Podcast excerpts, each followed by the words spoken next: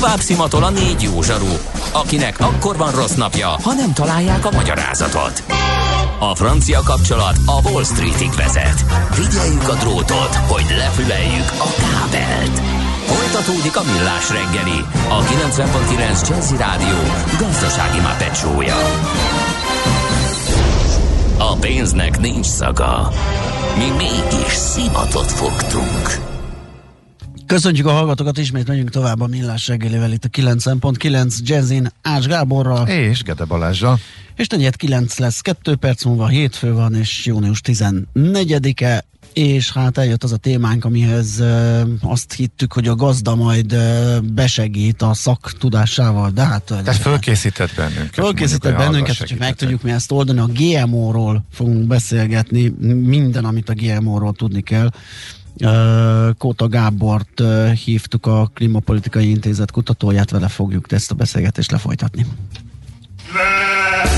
Nem tudod, mi az üsző? Még sosem forgatta a látszatolót? Fogalmat sincs, milyen magas a dránka? Mihálovics gazda segít? Mihálovics gazda, a millás reggeli mezőgazdasági és élelmiszeripari magazinja azoknak, akik tudni szeretnék, hogy kerül a tönköly az asztalra. Mert a tehén nem szálmazsák, hogy megtömjük, ugye?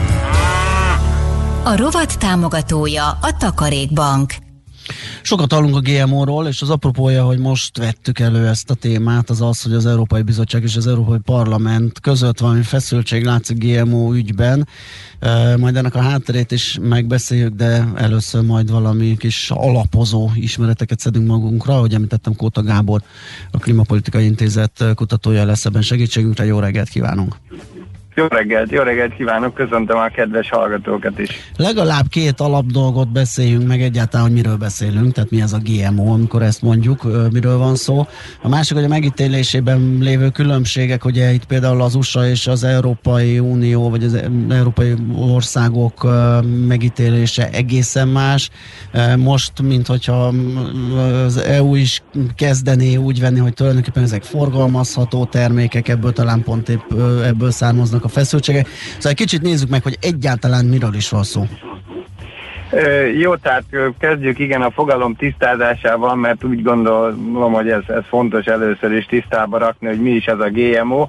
Ugye ez egy mozaik szó, ami genetikailag módosított organizmust jelöl, tehát mindenféle olyan szervezetet, amit genetikai módosítás útján hoznak létre, illetve szokás ezt használni az ebből készült mindenféle produktumokra is, tehát gyógyászati termékekre, vagy élelmiszeripari termékekre, takarmányokra, tehát, tehát minden ilyenre.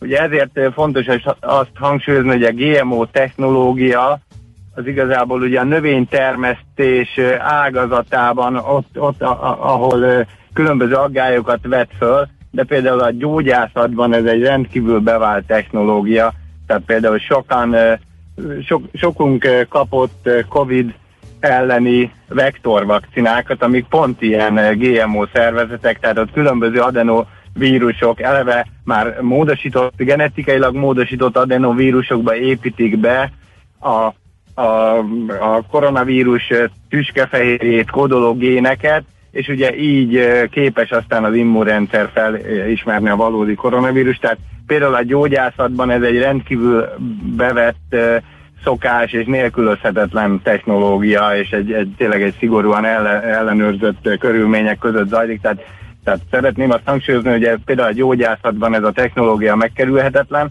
azonban a növénytermesztésben és élelmiszeriparban már, már más a helyzet. Tehát itt, itt ez az, ami, amiről igazából most szó lenne. Hogyha van egy olyan terület, ágazat, például a gyógyszeripar, ahol ez elfogadott, akkor miért rettegünk ennyire az élelmiszeriparban, hogy erre marketing kampányokat lehet építeni, hogy az ilyen mentes termékekre üles betűkkel fel lehet vinni, hogy GMO-mentes, és akkor az jobban fogy, mert nyugodtabb a lakosság, és nagy élvezettel vásárolja. Igen, itt az a, az a dolognak a lényege, hogy teljesen más a, a, a felhasználás, illetve az ellenőrzöttsége a két folyamatnak. Tehát ugye a gyógyászatban, gyógyszeriparban mindig zárt, zárt körülmények között, laboratóriumi körülmények között keletkeznek és használják föl ezeket az így készült termékeket. Míg itt például pont a, a GMO növények termesztése esetében ott ugye hát ki például egy kukoricaföld, az ugye kint van a szabadban, illetve hát azt ugye utána meg is esztük ezeket a, ezeket a termékeket, amik, amik ugye a GMO növényekből készült termények, illetve élelmiszeripari termékek, tehát teljesen más a, a dolognak a természete, így például a, a környezeti toxikológiai terhelése, vagy, vagy ugye a, a humán egészségügyi vonatkozása teljesen más, tehát ezért, ezért fontos ezt látni. És hát ugye pont ez a, a, a probléma a genetikailag módosított élelmiszerek esetében, hogy, hogy például olyan, olyan fehérjéket tartalmazó gént ültetnek a növényi sejtekben, olyan fehérjét termelő gént, ami ugye toxikus a különböző rovarfajokra, de hát ugye ez nagy mennyiségben termelik az egyes növényi sejtek, tehát, tehát ez az élővilág más, tehát más rovarfajokra is káros, nem csak a, arra az adott kártevő rovarfajra, tehát már ez is egy jelentős probléma. Uh-huh. Úgy, másik az, az egy nagyon fontos probléma, hogy ugye egyféle egyféle ilyen úgynevezett krájtoxin, ez ilyen kristálytoxinnek a rövidítése, mert valóban ilyen kristályformájú fehérje, ami károsítja a rovarok bérrendszerét, és ezáltal okozza ezt a, a hatást. És, és ugye ezt a növényi sejtek tartalmazzák sejtszinten, ráadásul egyféle ilyet. Tehát az, hogy a kártevő rezisztencia mikor alakul erre ki az idő kérdése, különösen így a, a táblák szélén, ahol ugye a, nem a halálos dózisban tartalmazza, hanem ugye kisodródik például a kukorica pollen több száz métert is képes, a mondjuk egy GMO kukorica tábláról származó pollen a környező, környező területeket is így fertőzheti, és ezáltal például könnyen kialakulhat az, az a probléma, hogy, hogy ellenállóvá, rezisztensé válik ezzel szemben egy kártevő, arról nem is beszélve, hogy mondom például a tábla szélén lévő akár mondjuk védett lepkefajokat is például ez, ez károsíthatja, meg az ezzel táplálkozó esetlegesen madarakat is, és és akkor még nem beszéltünk ugye a humán vonatkozásokról. Na ez azért érdekes, mert ahogy említettem az elején is, ugye azért az Egyesült Államokban már több tíz éve, vagy legalább 25 éve vannak ilyen termékek forgalomban, akár állattakarmányozást, hogyha veszünk, akkor ugye a génmódosított szója például az, az vagy kukorica az forgalomban van, miközben az EU meg keménykedik, és, és ő meg tartja magát, hogy ne legyen. Akkor ez azt jelenti, hogy az ismeretek még itt hiányosak ennek a negatív hatásaival kapcsolatosan?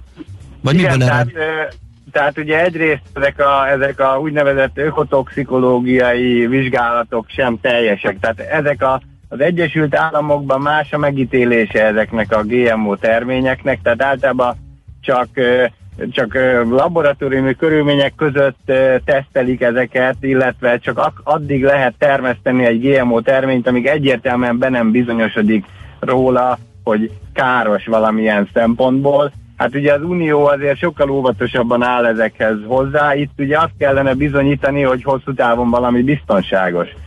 Tehát ugye, és ez emiatt ugye teljesen kiszámíthatatlan ezeknek a GMO terményeknek az ilyen hosszú távú, mind egészségügyi, mind ugye a természetes ökoszisztémákra gyakorolt hatása. Mondom, nem beszélve az ilyen veszélyekről, amit, amit az imént is mondtam, hogy például ellenállóvá válnak ö, bizonyos ö, rovarok, vagy például ugye más GMO termények, a gyomírtó szerre rezisztensek, tehát ez ugye a glifozát rezisztens például, például szójafajták, vagy más növényfajták esetében ugye ugye lehet glifozát gyomírtószerrel permetezni, mert a környezetében lévő gyomok elpusztulnak, de a, a termény megmarad, csak ugye ennek az a nagyon nagy veszélye, hogy mi van, hogyha például ez a természetes ökoszisztémába kikerül ez a ez az úgynevezett transgén, ami biztosítja ezt a növény, ezt a gyomírtós szerrel szembeni védelmet, tehát könnyen elképzelhetős,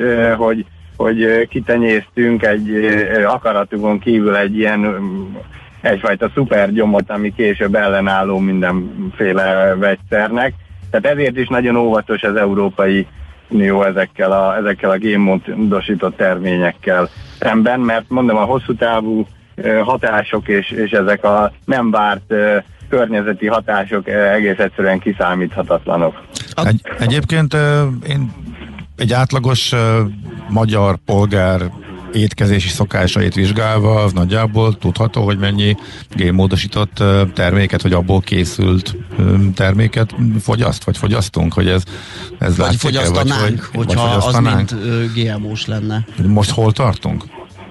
Igen, hát azért unión belül készített élelmiszeripari termékek minimális mennyiségben tartalmaznak GMO alapanyagot. Uh-huh.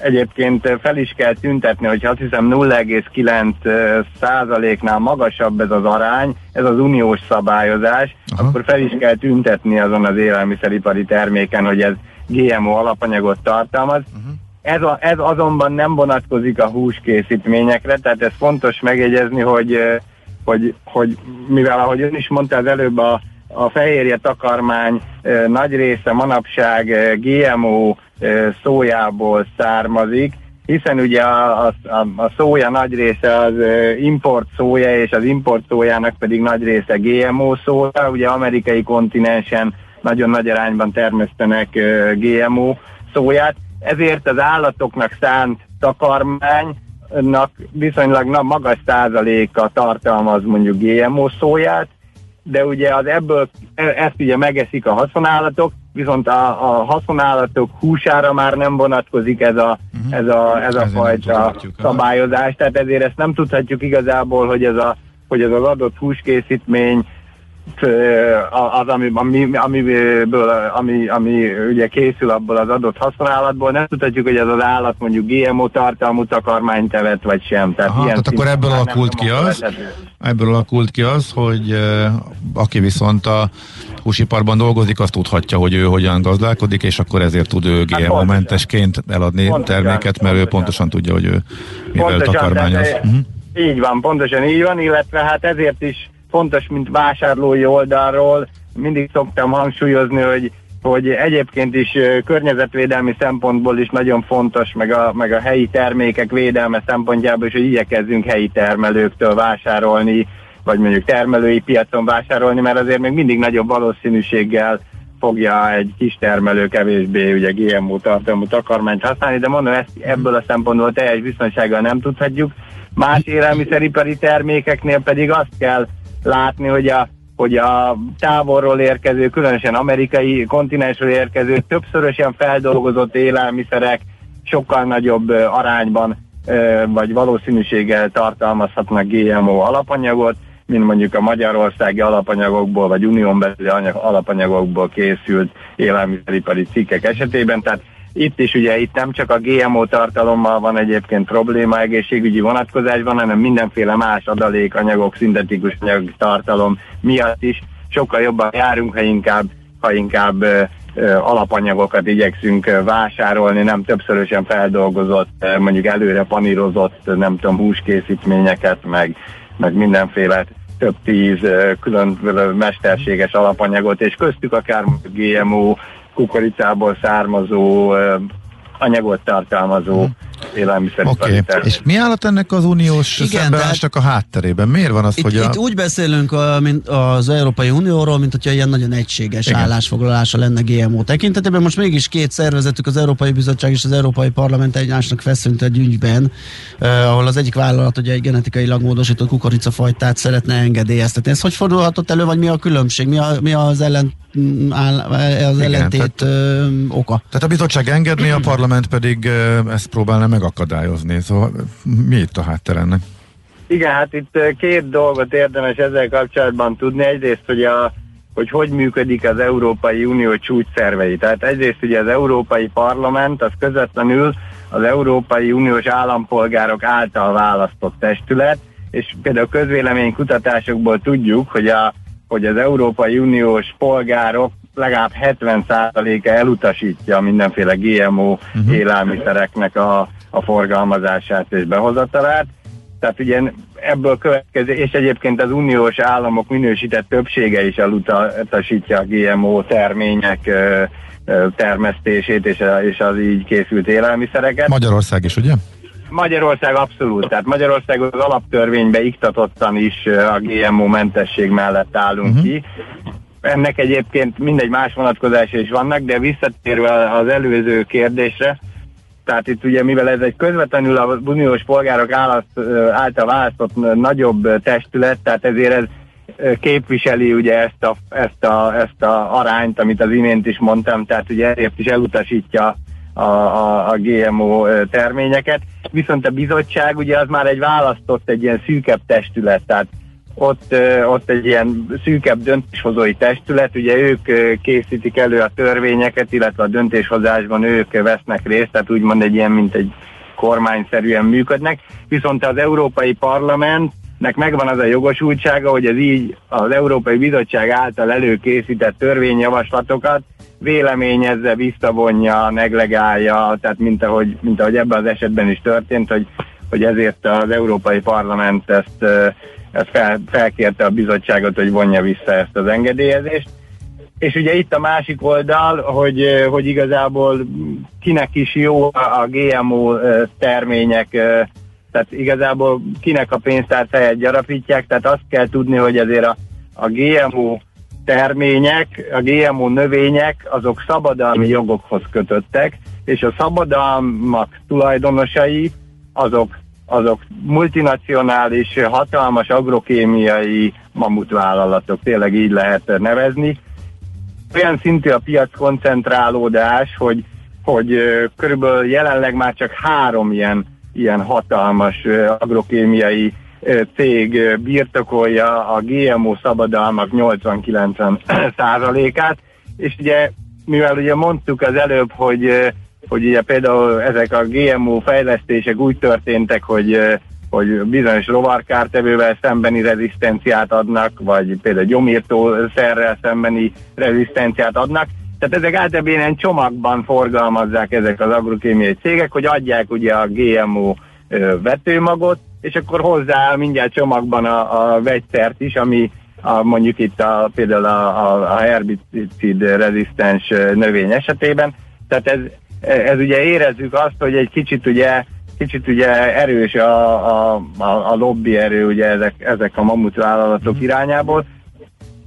Másrészt, másrészt pedig ugye leginkább ez a, a iparszerű nagyüzemű mezőgazdaság számára lehet hasznos, akik ugye óriási területeken termelnek, mert ugye tudjuk a GMO terményekről, hogy valamivel kicsivel nagyobb hozamra képesek, viszont ugye hát ezek a negatívumok ezzel szemben állnak, amit, amit az imént mondtam, tehát a különböző kockázatok, a, az, hogy ki vannak téve ugye a GMO szabadalom tulajdonosai e, e, szabják meg ugye az árakat, a, a, az elérhetőséget, minden ezek a vetőmagok. Tehát arról nem is beszélve, hogyha ha például Magyarországra is beengednénk bármilyen GMO terményt, a, a mondjuk egy GMO kukoricát, akkor a környezetében lévő például ökológiai termesztési másik tábla ugye beszennyeződne ezzel a, ezzel a, ezzel a GMO uh-huh. pollennel, és innentől már nem mondhatnánk azt, hogy hogy, hogy GMO-mentesek vagyunk. Mhm. Gábor, nagyon fogy az időnk, egy utolsó praktikus kérdés a hallgatótól. Hogyan olvasunk a sorok között, amikor csomagolt terméket vásárolunk? Van-e bármi a csomagoláson, ami jelzi, hogy például GMO kukoricával vagy szójával nevelték a hús idézőjebe eredeti gazdáját? a, mondom, a húsnál, a húskészítményekről ezt nem tudhatjuk, nem hogy eredetileg ki. milyen, tá- az nem derült ki. Az, hogy konkrétan maga az alapanyag az GMO, azt 0,9% fölött fel kell tüntetni. Tehát a, a fölött, az alatt viszont fölött, nincsen arról se információ. A fölött, a fölött nem tudhatjuk azt, hmm. igen, hogy a nyomókban valami, ami kukorica, de mondom, ennek azért az egészségügyi vonatkozása ilyen alacsony arányoknál már, tehát tehát nem ez a legnagyobb probléma, hanem inkább ezek az érdekellentétek is, amit mondtam. Tehát Igen. a kisebb gazdálkodókat, például a magyar hibrid vetőmag, vagy a hagyományos fajta vetőmag előállítás nagyon jelentős, tehát mi a világon a tíz legnagyobb GMO-mentes uh-huh. vetőmag előállítók között vagyunk, tehát tehát nem, nem szeretnénk ezt a pozíciónkat feladni. Nyilván. Nagyon szépen köszönjük, tök sok mindent megtudtunk a GMO-ról. Jó munkát kívánunk a továbbiakban, és szép napot. Nagyon köszönöm én is a lehetőséget. Viszont hallásra.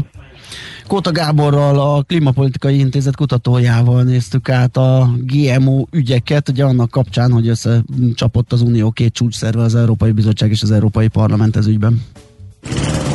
Mihálovics gazda most felpattant egy kultivátorra, utána néz a kocaforgónak, de a jövő héten megint segít tapintással meghatározni, hány mikron a gyapjú. Hoci a pipát meg a bőrcsizmát. Most már aztán gazdálkodjunk a rézangyalát. A rovat támogatója a Takarékbank. Műsorunkban termék megjelenítést hallhattak. Tőzsdei és pénzügyi hírek a 90.9 jazz az Equilor befektetési ZRT szakértőjétől. Equilor, 30 éve a befektetések szakértője. És itt van velünk Deák Dávid üzletkötő. Szia, jó reggelt! Sziasztok, jó reggelt, üdvözlöm hallgatókat! Mi újság, hogy indul a hét? Na, pozitívan indul a hét mind itthon, mind a főbb európai tőzsdéken. A Bux Index fél százalékos pluszban kezdi a napot, 49.106 ponton áll ebben a pillanatban. Forgalom is azért meglehetősen magas, mondhatni, hogy magas, így gyakorlatilag a, a nyár elején 1,4 milliárdot is meghaladja, és igazából a vezető részvényeink közül a Magyar Telekom egyedül, amelyik nem pluszban indítja a napot, ott 6 os mínusz láthatunk, 420 forinton kereskedik. Legjobban teljesítő részvényünk így az első 45 perc után a Richter 9%-os pluszban 8350 forinton áll ebben a pillanatban. Fél százalékot emelkedik a hazai olajpapír, a MOL 2450 forinton kereskedik, és 3% os pluszban az OTP bank részvénye meglehetősen magas forgalommal 16.610 forinton áll ebben a pillanatban. Ha már forgalom, mennyi a teljes? Mit tudunk a rész, részidős eredményről így 3 órával a nyitás után? Ahogy említettem, 1,4 milliárd ja, egyébként a hazai uh, részvénypiacon egyébként a forgalom, ez így szerintem így az első 44 perchez képest azért meglehetősen magasnak mondható, uh-huh. főleg amit itt az elmúlt napokban láthatunk, és ami egyébként érdekes, hogy most nem is az OTP a legforgalmasabb papírunk, ez, ez mindenképpen szokatlan, gyakorlatilag a teljes volumen felét a MOL részvénye ebbe a pillanatban. És ami érdekesség, hogy meglehetősen magas forgalommal, időzősen magas forgalommal emelkedik a Masterplus részvénye is. 50 millió forint közeli forgalommal 8%-os pluszban a papír, most 3490 forint De most miért? Hát csak azért, mert eddig is. Hát de az még úgy nekem kevés. Tehát hír nélkül? Tehát csak, csak úgy? Igaz, igazából olyan nagy hírt mm. én, én egyenlőre nem láttam a mai kereskedésben, aztán lehet, hogy az én figyelmemet került el egyenlőre, de mindenképpen érdekes itt a, a legjobban teljesítő papír most a hazai tőzsdén igazából. Igen, és uh, tavaly is az volt, ugye. Igen. Uh, Európa szerte ekkor az optimizmus, ugye a pénteket is ilyen nagy uh, uh, hurrá hangulatban zártunk, és uh, két szerdán Fed ülés, ugye szerdán döntés, meg uh, komment, meg minden arról, hogy mit csinál a Fed, uh, mint hogyha senkit nem izgatna, és teljesen nyugodt lenne, hogy itt uh, minden nagyon klassz lesz. Gyakorlatilag ezt is láthatjuk igazából az európai nyitáson, hiszen a magyarhoz hasonló értékeket látunk a főbb nyugat-európai indexekben, 4,1%-os pluszban kezdi a német DAX, fél százalékos pluszban a párizsi Kakaron, és szintén 4,1%-os pluszban a londoni FUCI a kereskedés. Az amerikai határidőt némileg szerényebbek igazából, mind az S&P, mind a NASDAQ határidő 1,1%-os pluszt indukál a délutáni nyitásra, de én azt gondolom egyébként, hogy valóban némileg elkerüli a figyelmét itt az európai befektetőknek a szerdai fedülés, ami mindenképpen érdekes lehet a következő mozgásokra, hiszen gyakorlatilag néhány évtizede nem volt ekkora megugrás az amerikai inflációba, úgyhogy valóban ahol hordoz ez a szerda esti némi részvénypiaci kockázatot magában. Hát igen, ilyen optimizmusban ugye nagyon fájhat valami nem papírformaszerű bejelentés, az, az, az izgalmas lehet. Forintpiacon mi újságot is átrokant ez, a, ez az optimizmus? Nem mondanám, igazából a forint nagyon pici gyengüléssel kezdi a napot, most egy euróért 348 forint 50 fillért, egy dollárért pedig 287 forint 50 fillért kell fizetni a bankközi devizapiacon. A főbb keresztekbe az angol font gyengülését láthatjuk igazából, a font dollár most 1,41 alatt uh, 1,4098, ebben a pillanatban az eurofont is 0,8596, és az eurodollár is 1,2120 most. Oké, okay, Dávid, nagyon köszi, jó kereskedést, szép Köszönjük napot! Szépen, Szia. szép napot, sziasztok! Deák Dávid üzletkötővel néztük át a tőzsdenyitást követő első három óra történéseit. Tőzsdei és pénzügyi híreket hallottak a 90.9 jazz az Equilor befektetési ZRT szakértőjétől. Equilor, 30 éve a befektetések szakértője.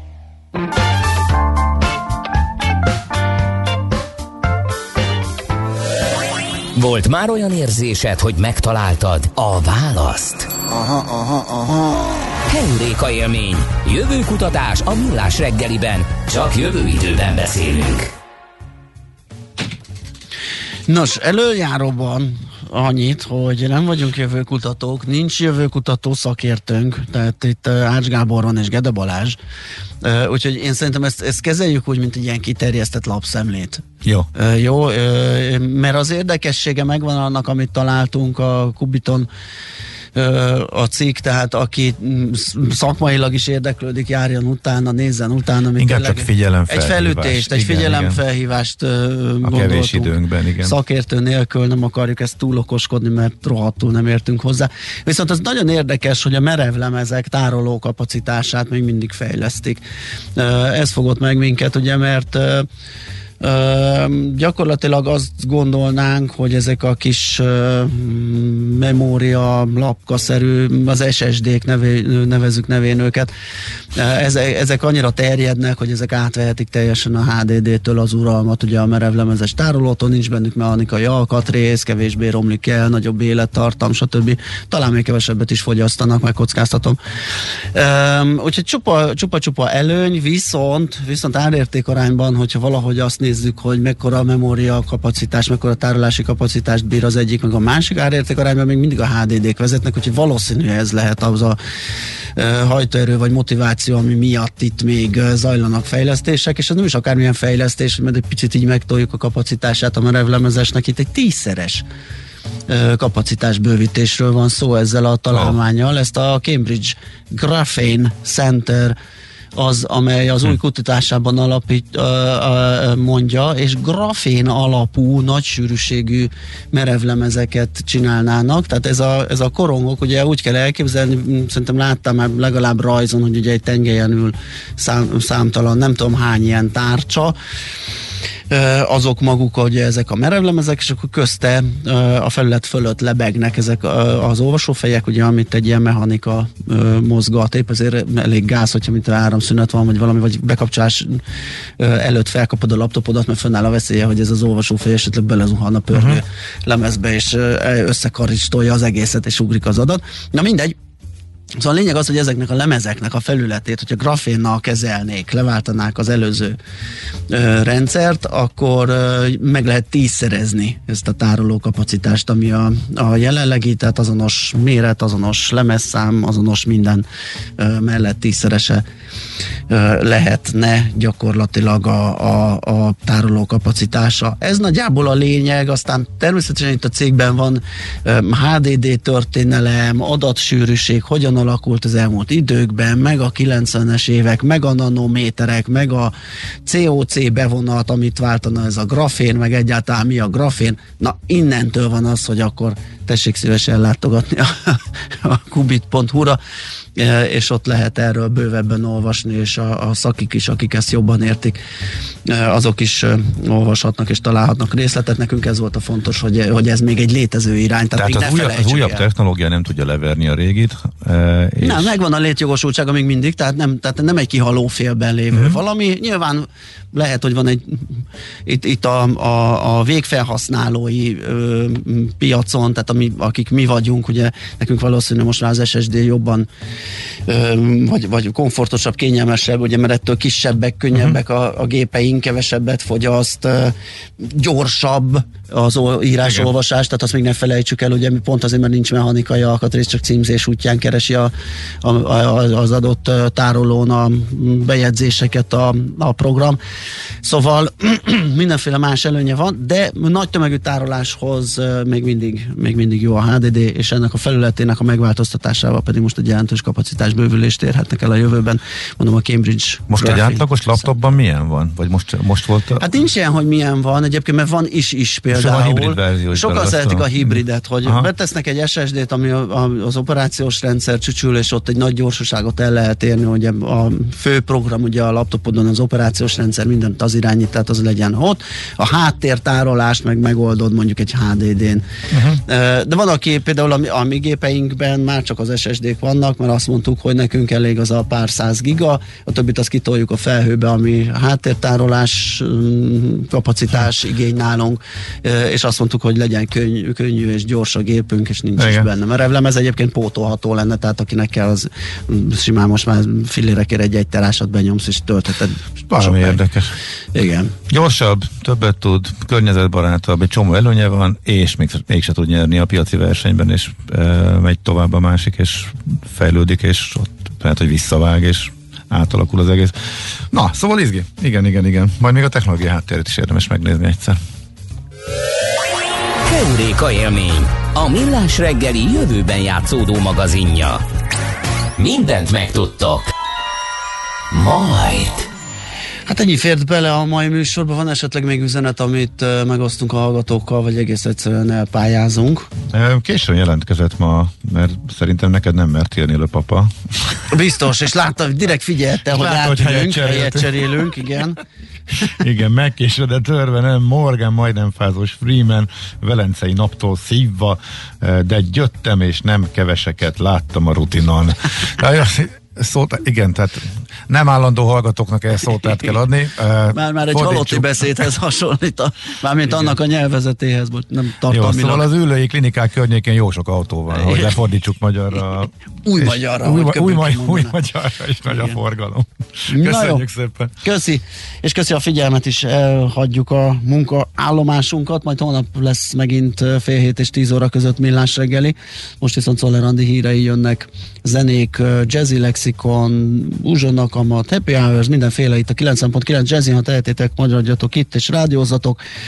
Amúgy meg szép napot, napos lesz, de még kicsit hűvös, majd a hét közepére jön. A, na, az meg átesünk a ló túloldalára. Igen, igen, igen. Szóval szép napot mindenkinek, sziasztok! Már a véget ért ugyan a műszak, a szolgálat azonban mindig tart, mert minden lében négy kanál. Holnap reggel újra megtöltjük a kávés bögréket, beleharapunk a fánkba és kinyitjuk az aktákat. Addig is, keressetek minket az arcaktákban, a közösségi oldalunkon. A mai adás podcastjét pedig honlapunkon. Millás reggeli, a 90.9 Jazzy Rádió gazdasági mapetsója. Ha csak egy műsorra van időd idén, tégy róla, hogy ez legyen az. Csak egy dolog lenne még. Műsorunkban termék megjelenítést hallhattak.